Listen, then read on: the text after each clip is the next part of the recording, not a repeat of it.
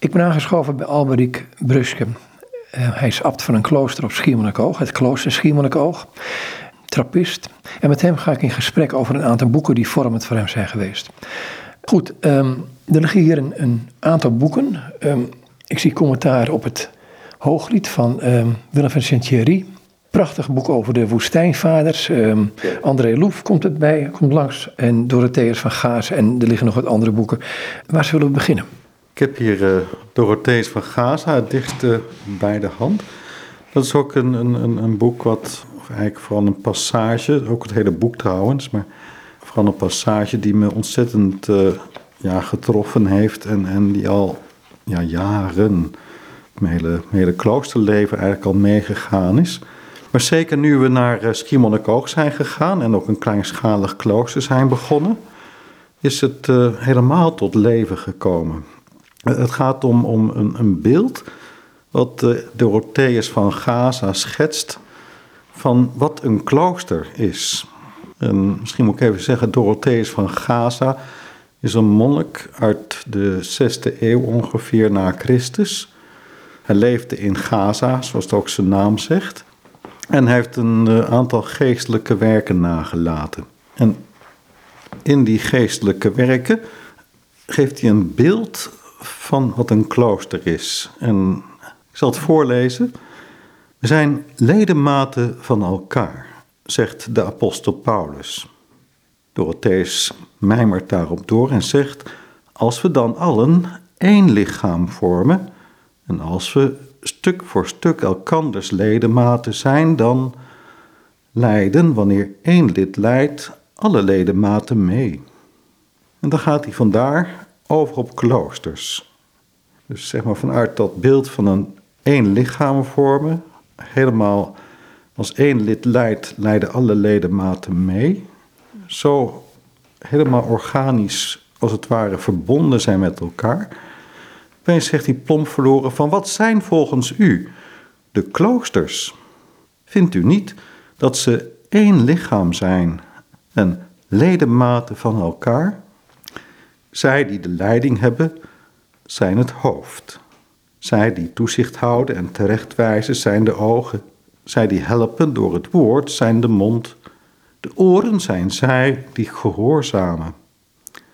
De handen zijn zij die werken. De voeten zijn zij die boodschappen doen en uitdelen. Nou, zo gaat hij verder over dat lichaam. Ja, er komt een prachtig beeld van, van ja, samen één lichaam zijn als klooster. En hoe meer je als het ware doet wat, wat jouw eigen is, als je oog bent, als je hand bent, als je noem maar op bent. Dus wees vooral precies dat wie je bent, wat je bent. Dan leef je de beste bijdrage aan dat, aan dat lichaam. Kortom, zegt hij dan, zorgt ervoor, ieder volgens zijn krachten, dus ieder volgens zijn krachten, is een heel belangrijk zinnetje. is niet gelijke monniken, gelijke kappen, in, in tegendeel zelfs.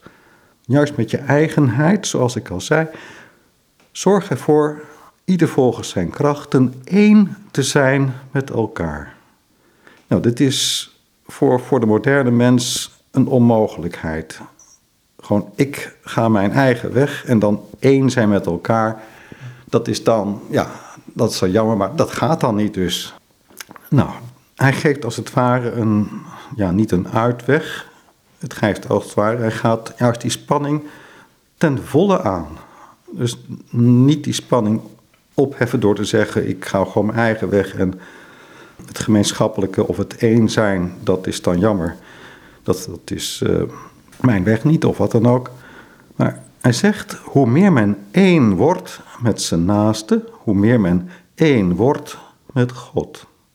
Nou, als ik zoiets lees, dan, dan spitsen mijn oren zich en dan, dan ga ik als het ware op een randje van mijn stoel zitten en denk ik van wat, wat, wat gaat hij nu zeggen dan? Hè? Hoe kom je hier uit? Hij zegt dan, ik geef u een beeld, ontleend aan de vaders, opdat u de kracht van deze onderrichting moogt begrijpen. Hij gaat als het ware uit het hoofd. Hè? Het is ieder volgens zijn kracht, ieder volgens zijn eigenheid en toch één. Dan kun je eindeloos je hersens op bot vieren. Maar hij zegt een beeld. Stel dat er een cirkel op de grond is getrokken. Dat wil zeggen een groef die met een passer in het rond getrokken is vanuit een middelpunt. Gewoon een cirkel op de grond. Het midden van de cirkel noemt men het middelpunt. Let goed op wat ik u zeg. Denk dat deze cirkel de wereld is. Dat is ook weer even een dat hij op verkeerde spoor lijkt te zetten. Het ging toch over kloosters? Nee, deze cirkel is de wereld. Het middelpunt van de cirkel is God.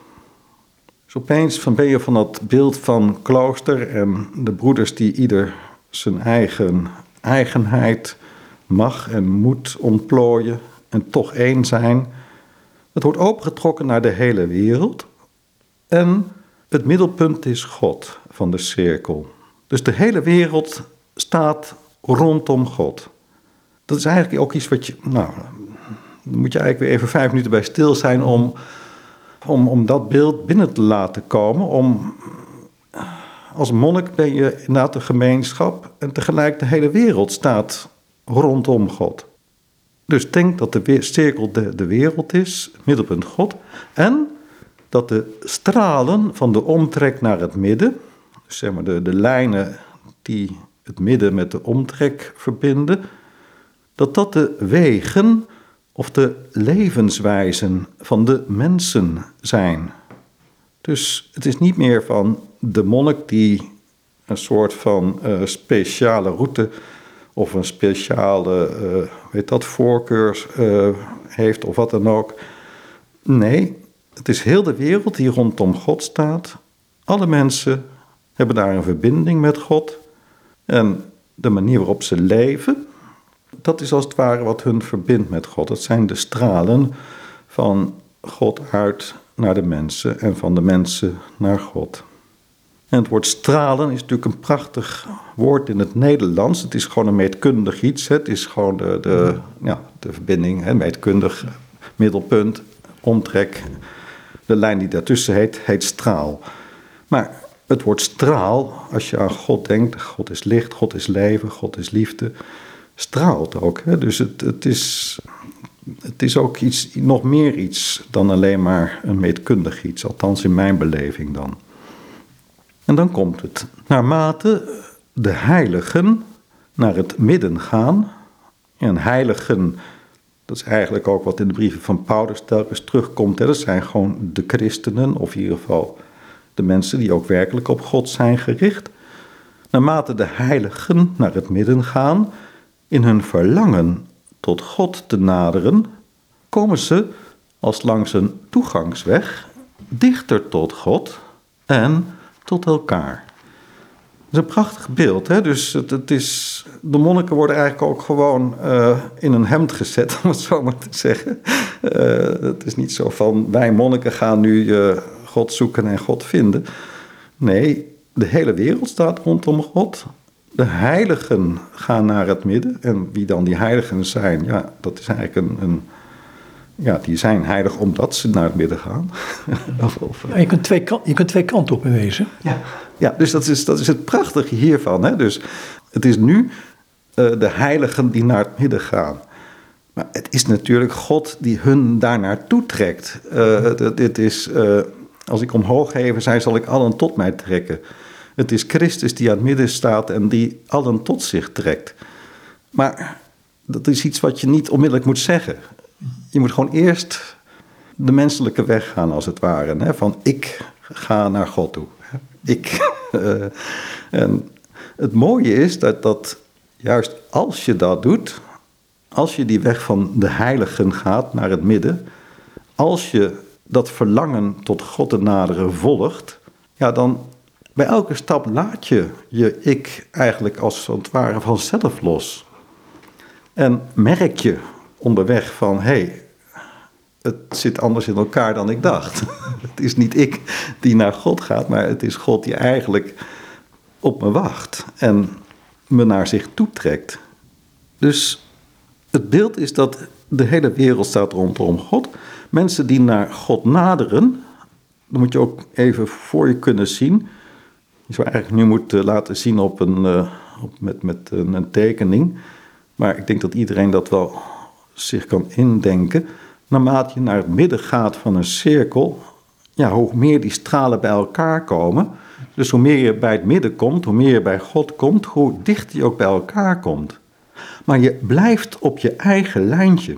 Dat is ook heel, heel wezenlijk.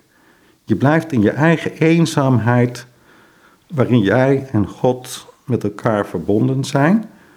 En eigenlijk, of eigenlijk, feitelijk kun je beter zeggen, je kunt niet zien, ja, je kunt wel zien van buitenkant, want iemand heilig lijkt te zijn, maar hoe een ander in verhouding tot God staat, dat blijft absoluut verborgen. Ik kan daar niets over zeggen. Zelfs over mijn eigen weg kan ik eigenlijk niet zo heel veel zeggen, behalve dat ik mijn best doe of probeer of verlang of weet ik veel wat. Maar ik kan ook niet van mezelf zeggen van ik sta nu heel dicht bij God. Het kan zo voelen, maar ook dat kan weer heel verraderlijk zijn. Hè? Maar toch is wel het enige wat ik heb. En ik kan wel van binnen mezelf zien. En heel zeker is het dat God weet waar ik ben en dat God mij ziet. Dus dat is het enige wat ik eigenlijk heb. Maar door juist alleen maar op die eenzame lijn te blijven naar God, om daar eigenlijk alles op in te zetten, kom ik opeens heel dicht bij anderen. Ja, dat is ook iets wat je met een ander beeld kunt ervaren. Hè? Dus dat je, nou, wat eigenlijk toen net in, in de spreekkamer, zat in een andere kamer en even was het een moment stil. Hè? Vlak voor het interview begon. En ja, toen zei jij ook van, er hangt een stilte in deze kamer. En dat is even één moment dat je als het ware alles wegvalt en dat je als het ware die nabijheid voelt. Gewoon jij blijft jij en ik blijf ik. En tegelijk, je voelt opeens, je bent samen in de ruimte van God. En dan ben je opeens ontzettend dichtbij. Dichterbij dan, dan je eigenlijk, ja, kun je eindeloos praten en praten en praten. Maar ik denk dat zoiets, stel ik me bij voor, van hoe meer je bij, tot God nadert, hoe meer je tot elkaar nadert.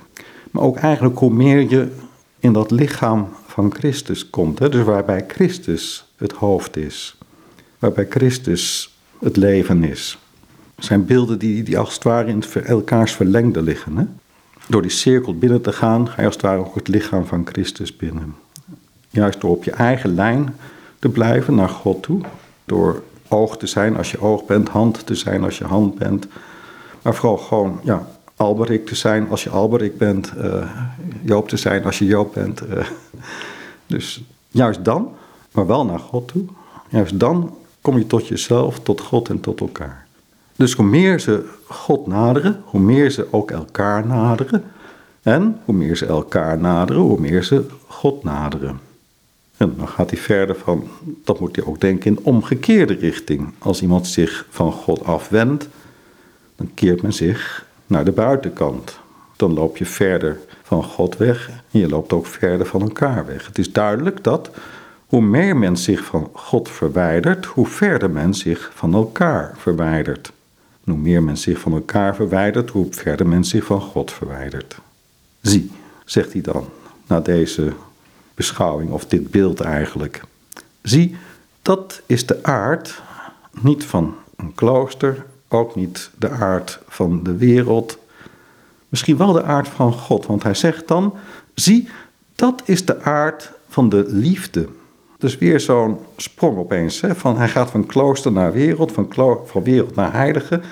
Van heiligen gaat hij opeens naar van dit is de aard van de liefde. Oh, dus ja, waar hebben we het nu eigenlijk over?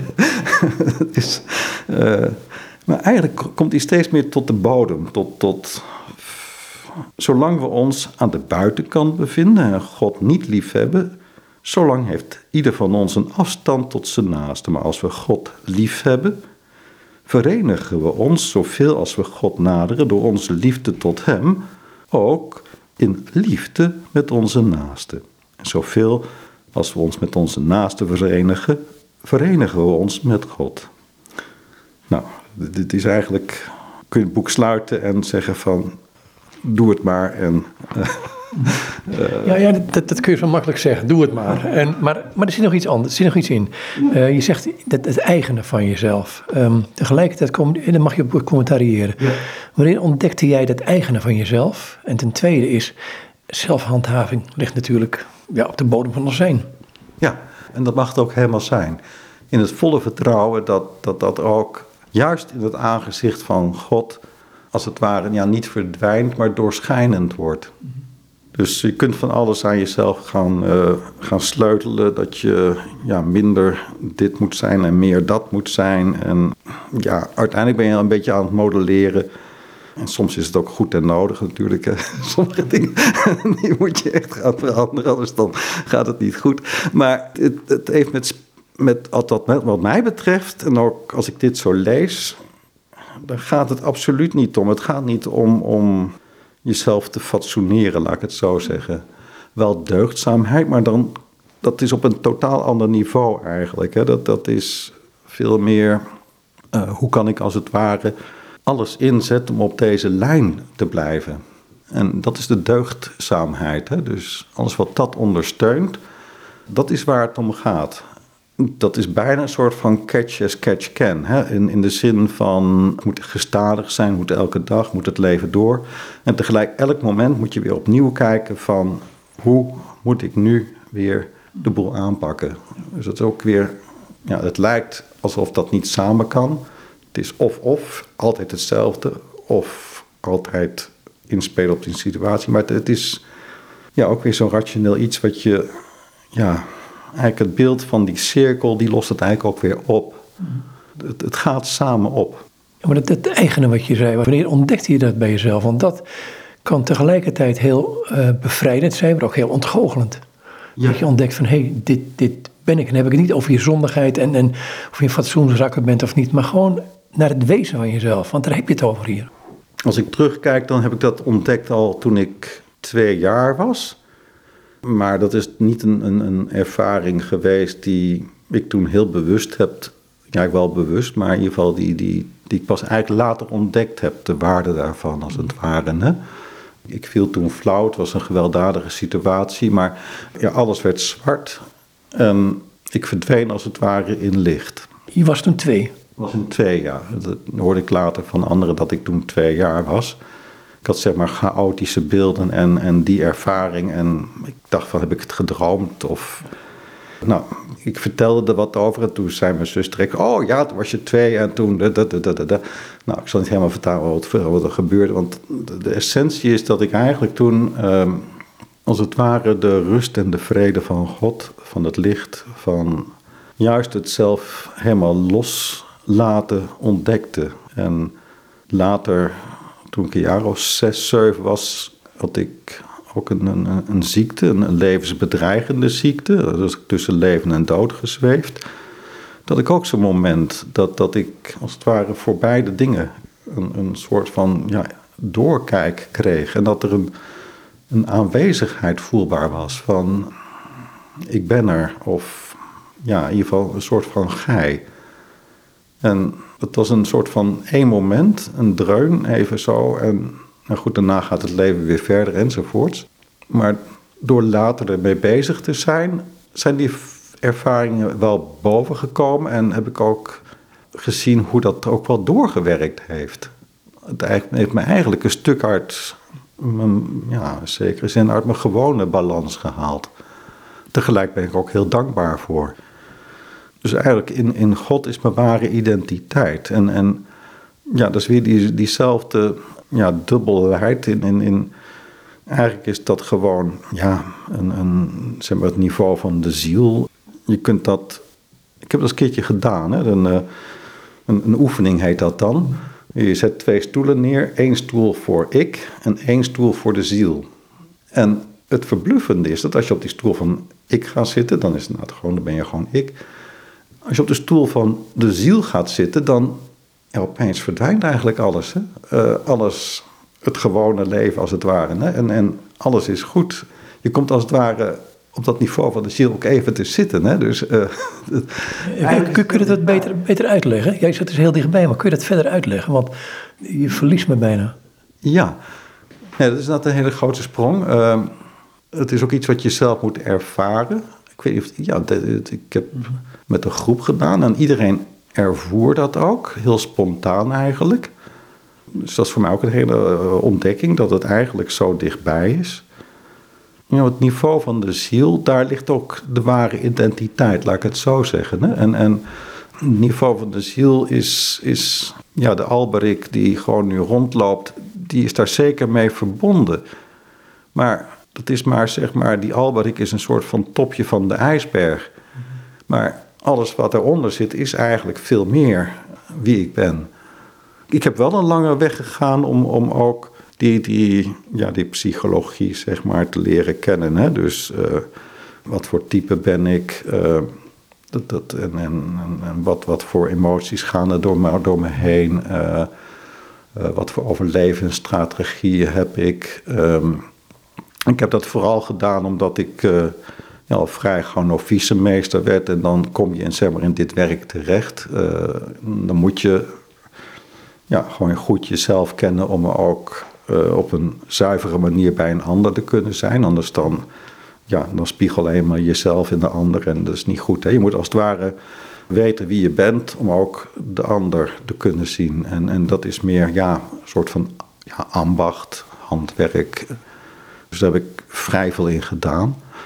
En dat is wel heel belangrijk geweest voor spiritualiteit. Een ander iets wat we heel veel doen is zingen hier. En bij zingen is het ook zo. Hè? Dus als het ware, je hele lichaam wordt een soort van uh, ja, holle buis worden, waar, waar de adem helemaal vrij doorheen kunt stromen. En als er ergens ook maar een, een, een, uh, ja, een spanning zit, dan is het onmiddellijk hoorbaar in die stem. Dus die stem moet helemaal vrijkomen. Dan kan die helemaal voluit klinken. Ja, datzelfde beeld geldt eigenlijk ook voor, voor, voor de ziel en voor het ik. Hè. Dus het, het, je moet als het ware jezelf helemaal in die zin um, vrij worden ten opzichte van jezelf, zodat je onbelemmerd door allerlei ik-dingetjes ja, God God kunt laten zijn. Dat je als het ware gezicht van God kunt zijn. Hoe dat precies werkt, ja, dan moet je ook niet gaan vragen. Maar het is, uh, ja. In, dat, dat, dat, speelveld, daar voel ik me wel, uh, ja, dat is waar ik mee bezig ben, laat ik het zo zeggen. Kom je daar, en misschien moeten we daar naartoe gaan, kom je dan bij het innerlijk huis terecht. Uh, ik ga naar André Loef toe bewust. Uh, ga je die kant op dan? Ja, dus André Loef heb ik een paar keer al mogen ontmoeten. Ook al vrij vroeg toen ik monnik was. Heeft veel indruk op me gemaakt. En hij had ook die, ja, die twee dingen, had hij eigenlijk heel sterk. Dus enerzijds heel serieus nemen van jij bent een mens en je hebt heel veel mensen dingetjes. En daar gaan we niet uh, flauw over doen, als het ware. Dat is gewoon serieus. Dat is er. Dat is ook gewoon onderdeel van de schepping en noem maar op. En tegelijk blijft daar niet in hangen.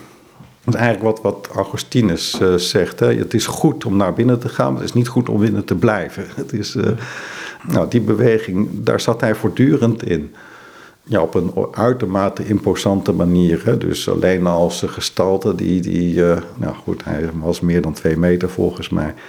Maar ook, ook in alle opzichten was hij een gigant.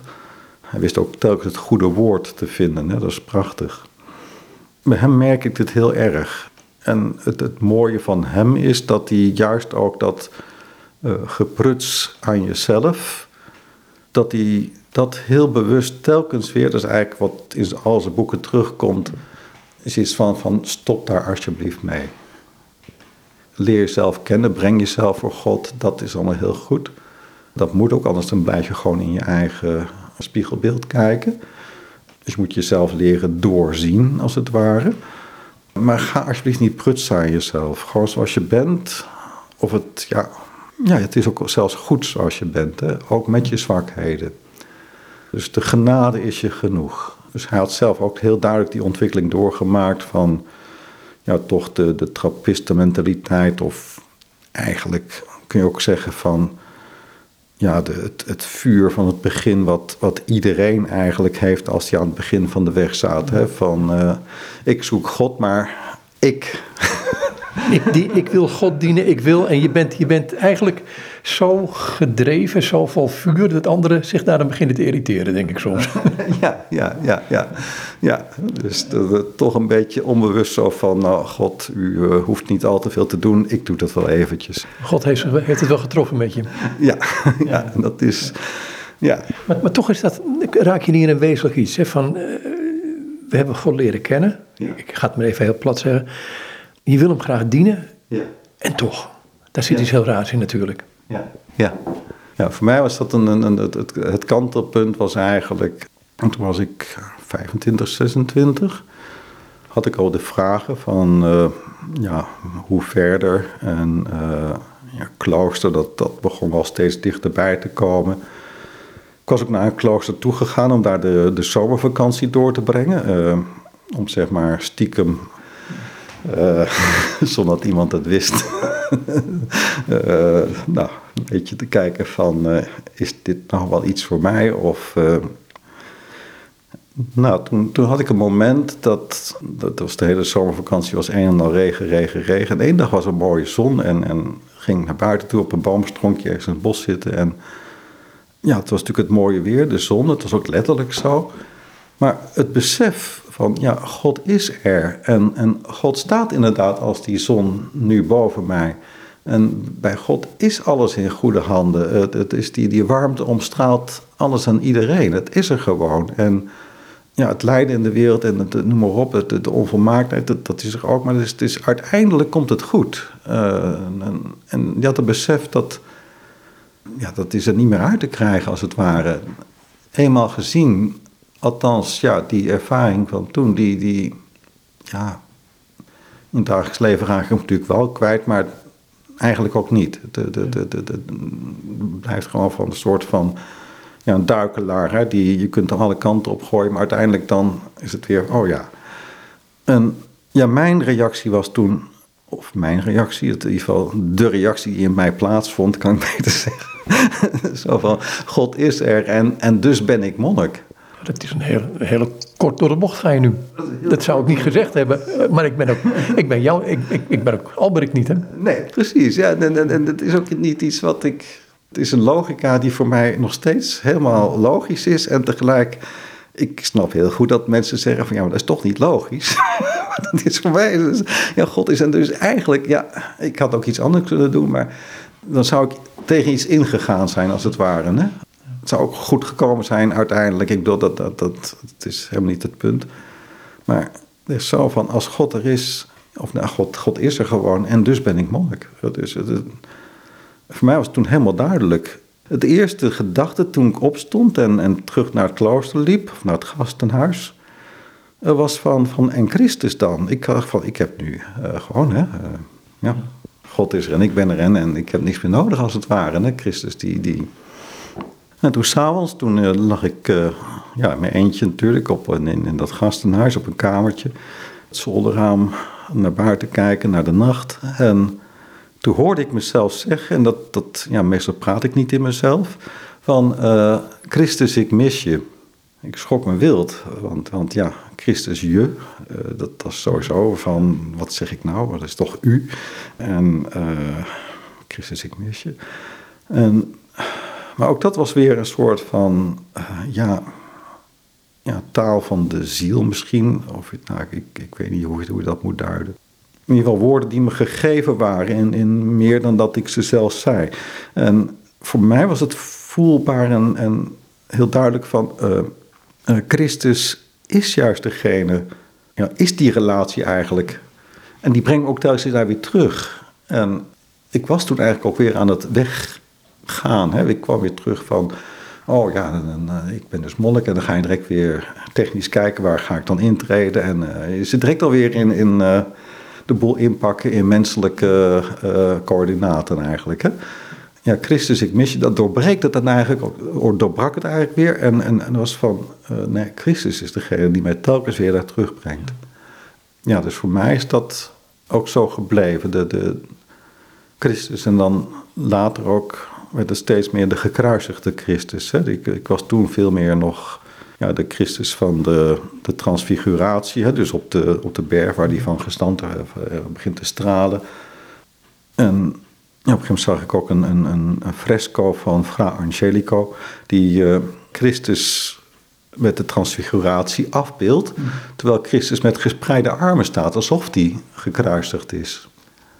Dat was voor mij ook weer een, een voor mij is toen eigenlijk de, de gekruisigde Christus ook ja, degene geworden die, die ja, straalt van God. Hè? Dus, uh, en, en het is ook een van de weinige ervaringen die ik had met, met dat ik mezelf dingen hoorde zeggen. Hè? Dus er was iemand die kwam op bezoek in het klooster en die, nou, hier hangt ook zo'n kruis met zo'n Christus met, met helemaal bloed en, en, en wonden en, en uh, lijden. En uh, die vroeg, waarom waar beelden ze hem altijd, altijd als gekruisigde af? Maar ik wist uit welke hoek die kwam, dus uh, ik zat iets van, ja, hoe ga ik dit uitleggen? Uh, dus ik stond eigenlijk met mond vol tanden. ik dacht van, ik kan een heel verhaal houden, maar dat... Nou, en toen hoorde ik mezelf zeggen van, daar kan die stralen. En zei pas later dat ik erachter kwam wat ik er zelf mee bedoelde. Dat is eigenlijk die, die ervaring van Fra Angelico. Dus het, het, het, op het kruis, hij sterft en op hetzelfde moment ja, is hij als het ware in God. Hè? Dus juist het moment van sterven is eigenlijk al het Pasen, hè? Het, het, het, het overgaan, uh, het in God zijn. Het, het, het gaat dan via de, de, de, ja, de gang door de dood heen. Hij is echt dood geweest. Dat is tegelijk, ja, op dit niveau kun je niet meer spreken van, van kalenderblaadjes. Het is gewoon één goddelijk geheim en, en we kunnen alleen maar facetten daarvan oppakken, denk ik.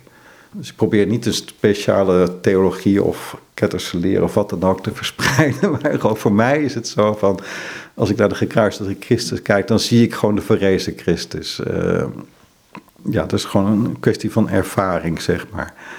Dat is ook mijn weg naar, naar, naar God toe. Ik zie nu het boek liggen van uh, Michael Ignatieff. En dat past wel heel mooi bij eigenlijk. Ja, wie, wie is het en waar gaat het over? Uh, Mark Ignatieff is gewoon eigenlijk een, een, een, ja, een documentairemaker.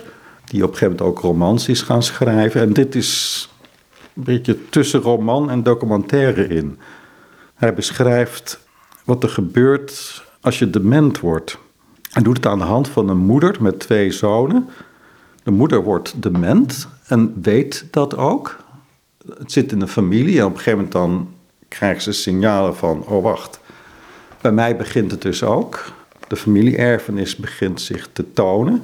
En ze is uh, schilderes en ze schildert dan een schilderij van um, een oude meester. Waarbij, staat ook op de voorkant van het boek, waarbij je Christus op de rug ziet. Terwijl Christus de onderwereld binnengaat. Dus eigenlijk net het moment waar ik het over had. Christus sterft en gaat de onderwereld in om daar, nou, volgens ook, naar de, allen die overleden zijn te gaan. Hè? Dus, maar het gaat nu vooral om dat ene moment. Christus staat op het punt om die onderwereld binnen te gaan. En ik sta als het ware vlak achter hem. Ben ik bereid om hem met hem mee te gaan? De dood in, echt.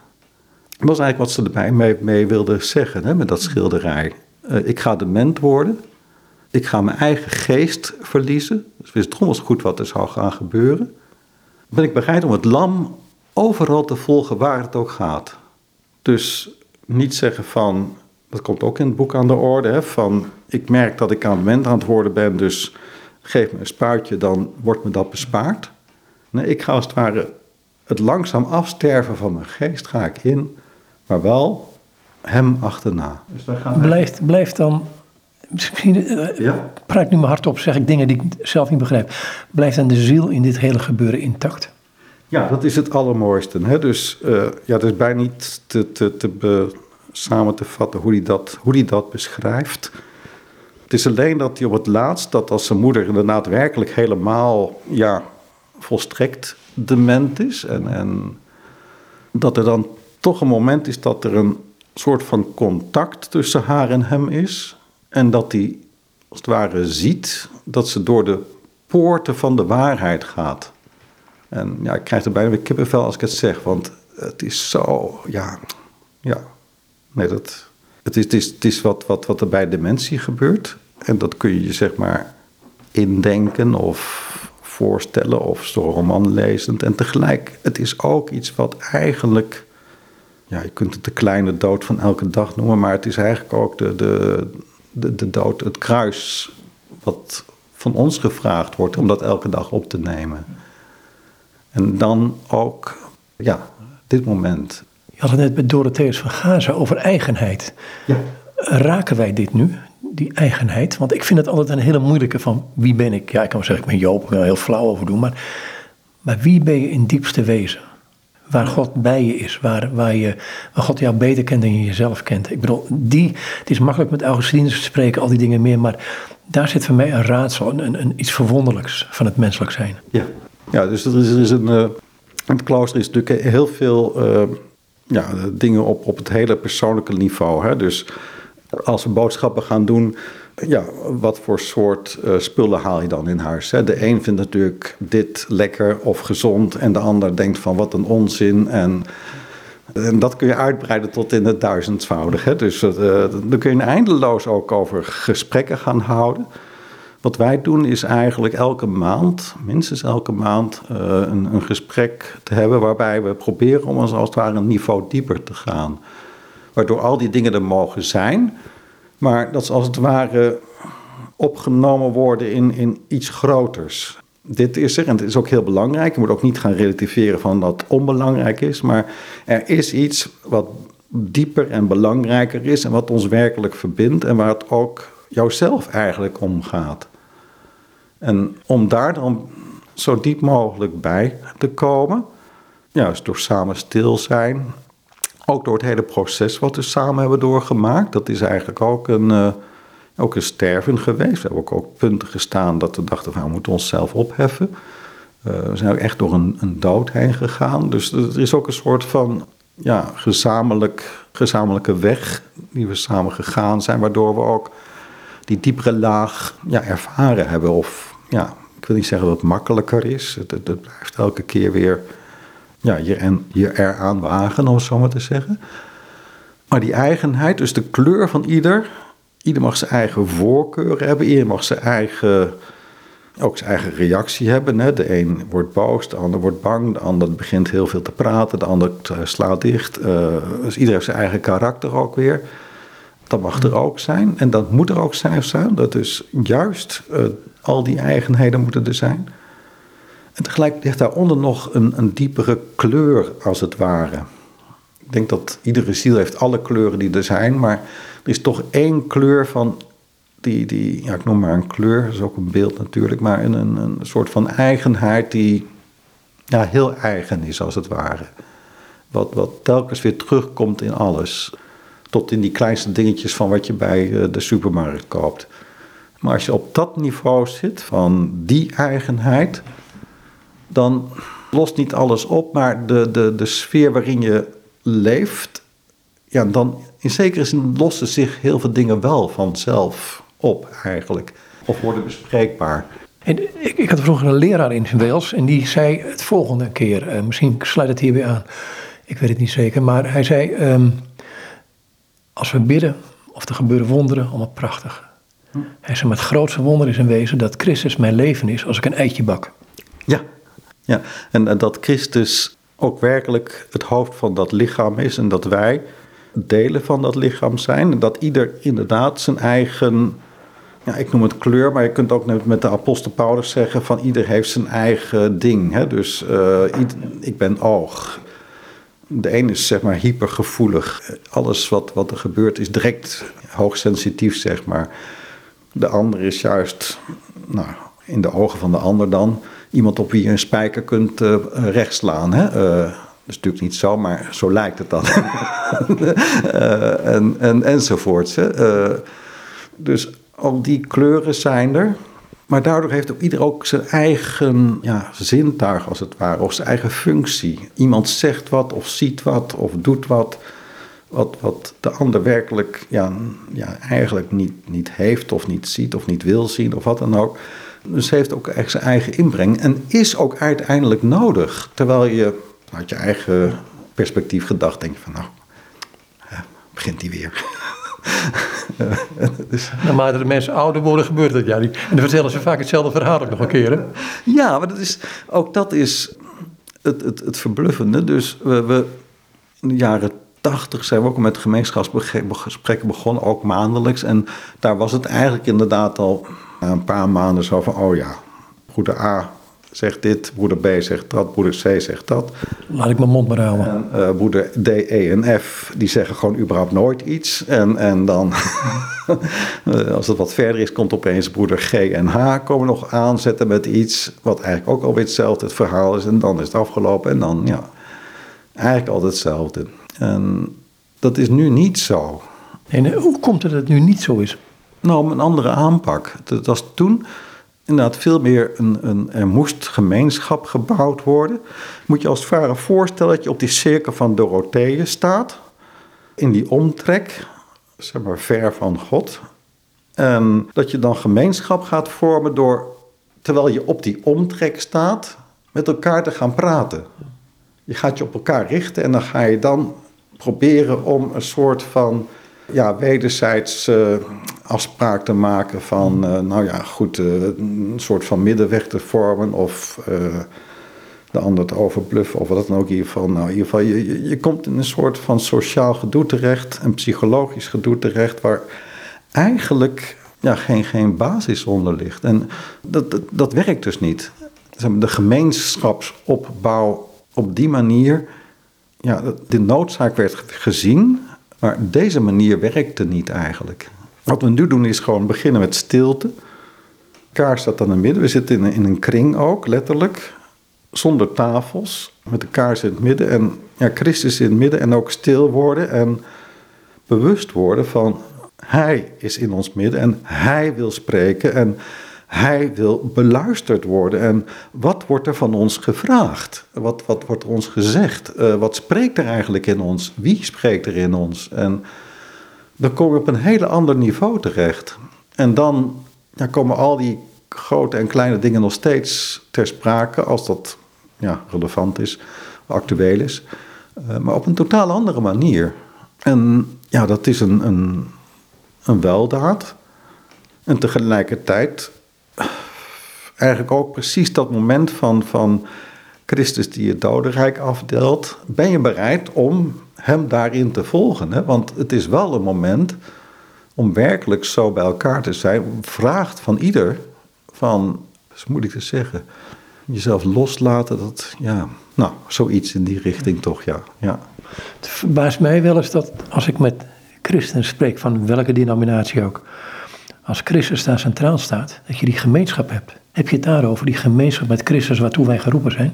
Ja, er, is al een gemeenschap en zelfs het ware, ja, je hoeft deze, jezelf niet eens op te geven, omdat hij is groter en hij is er. en je wordt als het ware spreekbaars van. Nou ja, dat klinkt ook weer zo. Uh, ik, ik vind het heel moeilijk om dat uit te leggen, ja. Maar wel, je spreekt vanuit een ander besef en vanuit een andere werkelijkheid ook. En maar dat heeft het misschien ook te maken, ik, ik gis me een beetje, heeft het ook te maken met het feit dat hij ook heel anders is dan ons? De andere, ik, ik, ik ga me een beetje op, op een bepaalde richting in nu. En dat die andersheid, dat, dat je door met hem in contact te zijn, je ook die andersheid bij de ander ontdekt en daardoor die gemeenschap hebt. Ja, dus het, het, als het om Christus gaat, dan, dan dan, dan zijn alle apostelen zijn erbij. Hè? Dus uh, Petrus met zijn onstuimigheid, Johannes met zijn contemplatieve blik en, en uh, nog zo. Nou, die kon ook behoorlijk, behoorlijk makkelijk kwaad worden, deze meneer Johannes. Hè? Zoon des donders, hè? Ja, ja, ja, ja, ja, zeker, zeker, zeker. En Petrus kon ook heel erg deemoedig zijn en, en uh, rouwmoedig zelfs. Ja, Thomas vond ik ook heel mooi, de dappere man. Hè? De, ja, het zijn allemaal gezondenen van Christus, hè, apostelen. En tegelijk, uh, die, die veelkleurigheid, ja, die is er. Het is ook heel goed. Uh, als Petrus niet meer Petrus is, dan, dan, dan voel je direct van, bah, dat wil ik niet. Uh, man, hou op. Hè. Wij hoeven ook geen Petrus te zijn ja, natuurlijk. Precies, hè? Dus het, het, het, het, is juist de uitnodiging, want wees inderdaad de, de Albrecht die je bent. En of ja, bekom je daar eigenlijk niet zoveel om. Uh, maar laat je wel zakken daardoorheen naar, naar zoiets uh, hoger of dieper of hoe je het ook noemen wilt. Ik kan het innerlijk huis van André Loef gaan. Um, die innerlijkheid, die, um, ik ga nu even naar de persoon Alberik toe. wat in het Hooglied beschreven wordt, misschien ook in het innerlijk huis wel beschreven wordt, is dat die gemeenschap met Christus, die in een liefdesrelatie, nou ik wil niet zeggen eindigt, maar begint misschien, maar waarin dat, moet je dat zeggen, ehm, op een andere manier beschreven wordt nog een keer. Hoe je in die relatie komt en, en dat gestalte kunt doen krijgen. Commentaar op het Hooglied, het is ehm, van Willem van Century ligt hier. Ook daar verderop ligt het grote blauwe boek van uh, Bernardus. Ook een Hooglied commentaar. Van Bernardus is, is uh, die ben ik toen als jonge monnik gaan vertalen uit het Latijn. Dat viel nog niet mee, moet ik eerlijk bekennen. maar dat was wel een leuke puzzel.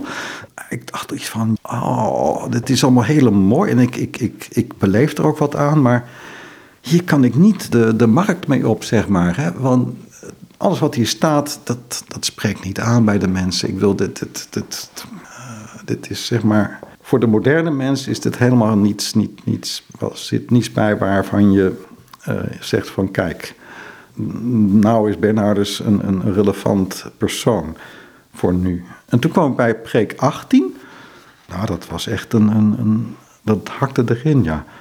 Hij zegt van, uh, er zijn, als het gaat om wat mij dan uh, daarin geraakt heeft, was inderdaad vooral die, die, die 18e preek op het hooglied van Bernardus, waarin die zegt van, je kunt een waterkanaal zijn, je, je drinkt als het ware aan de bron aan God, je hebt iets van God ervaren, je wil direct wil je het gaan weer hè, spuien, dan ben je eigenlijk, blijf je leeg achter. Dat moet je eigenlijk niet doen. Je moet als een waterbekken zijn. Je moet als het ware je door God laten vullen.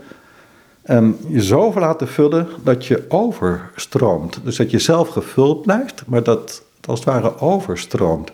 Dat is eigenlijk precies wat, wat, wat we nu proberen te zeggen. Hè? Dus gewoon in mijn eigenheid blijven. Helemaal, juist helemaal. Helemaal alberik zijn. Maar wel mezelf laten vullen met God. En dan over laten stromen.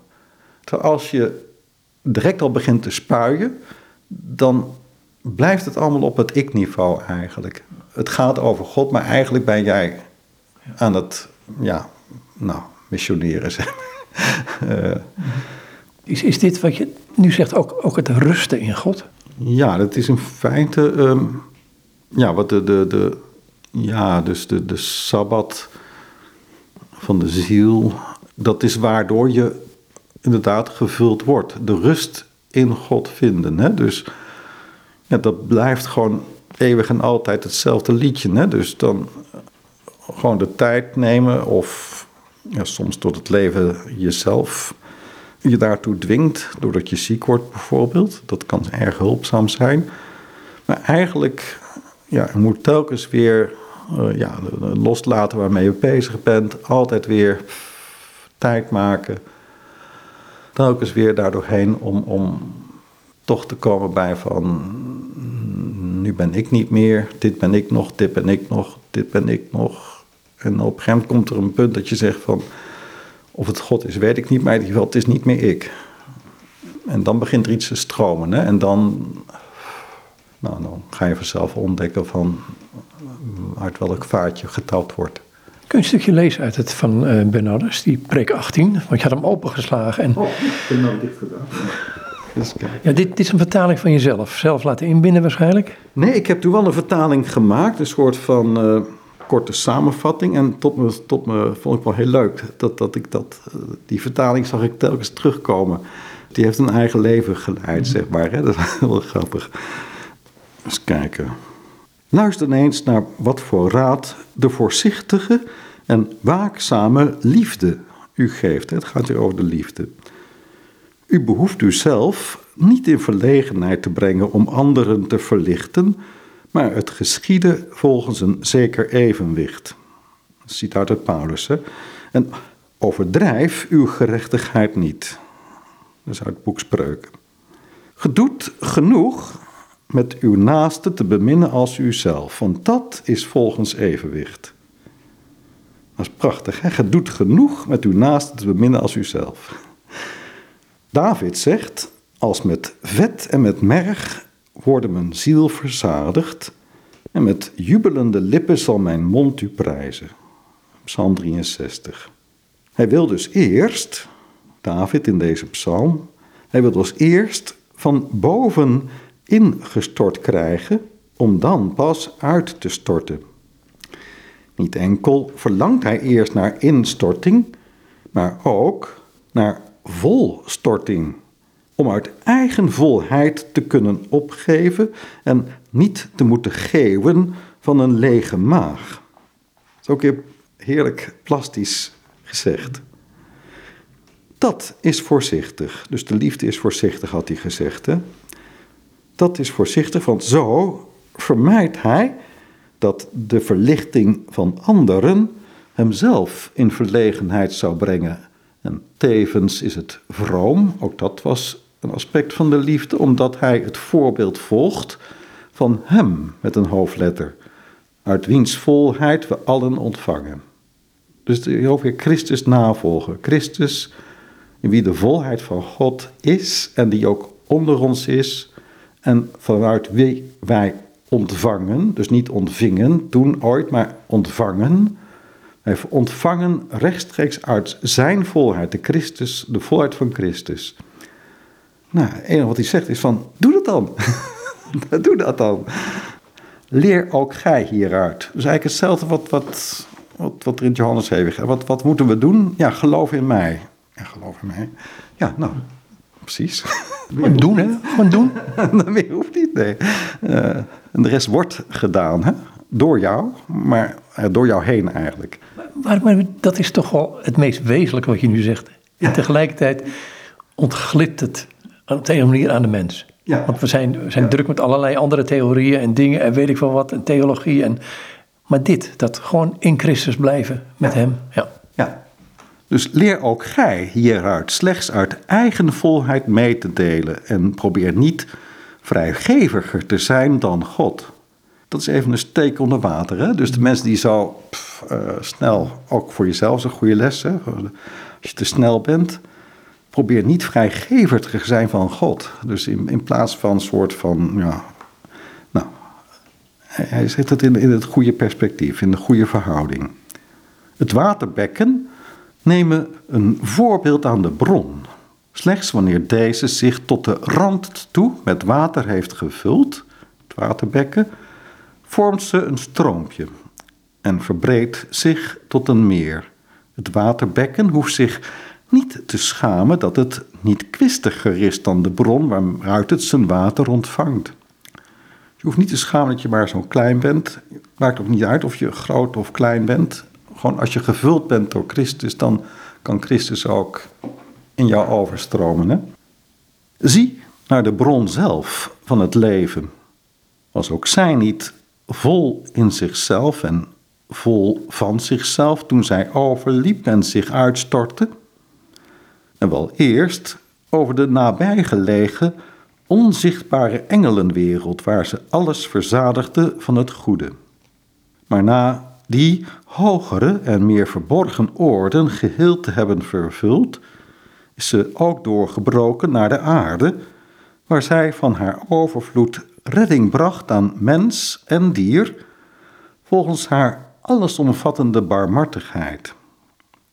Eerst vulde ze de binnenruimten van de hemel en vervolgens naar buiten stromend in haar milde barmhartigheden bezocht ze ook de aarde, drengte haar volop en bracht haar rijke zegening. Nou, hier wordt echt alles opengetrokken. Het is niet meer dat, dat de beperkte van uh, ik en God, uh, alsof jij een soort van uh, privé verbinding hebt. Dat is natuurlijk wel zo. Maar het is de hele, het geestelijke, ja, de, hele onzichtbare en zichtbare werkelijkheid zijn van God uit. Doe ook gij evenzo. Vul eerst uzelf en laat dan het overvolle afvloeien naar anderen. Gedienstige en verstandige naastenliefde pleegt over te stromen, niet leeg te lopen. Mijn zoon, laat u niet geheel leeg vloeien, zegt Salomon in het boek Spreuken.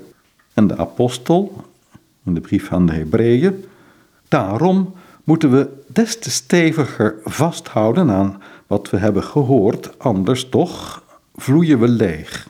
Dus naar het woord horen, dus ook bij Bernardus telkens weer terugkomt, het woord horen, Dat is eigenlijk wat jou vult. Hè? Dus het, het, eh, het is ook eigenlijk één aaneenreiging van bijbelsteksten. Hè? Dus het, hij spreekt bijbel als het ware. Hè? Het is, eh, daardoor word je gevuld.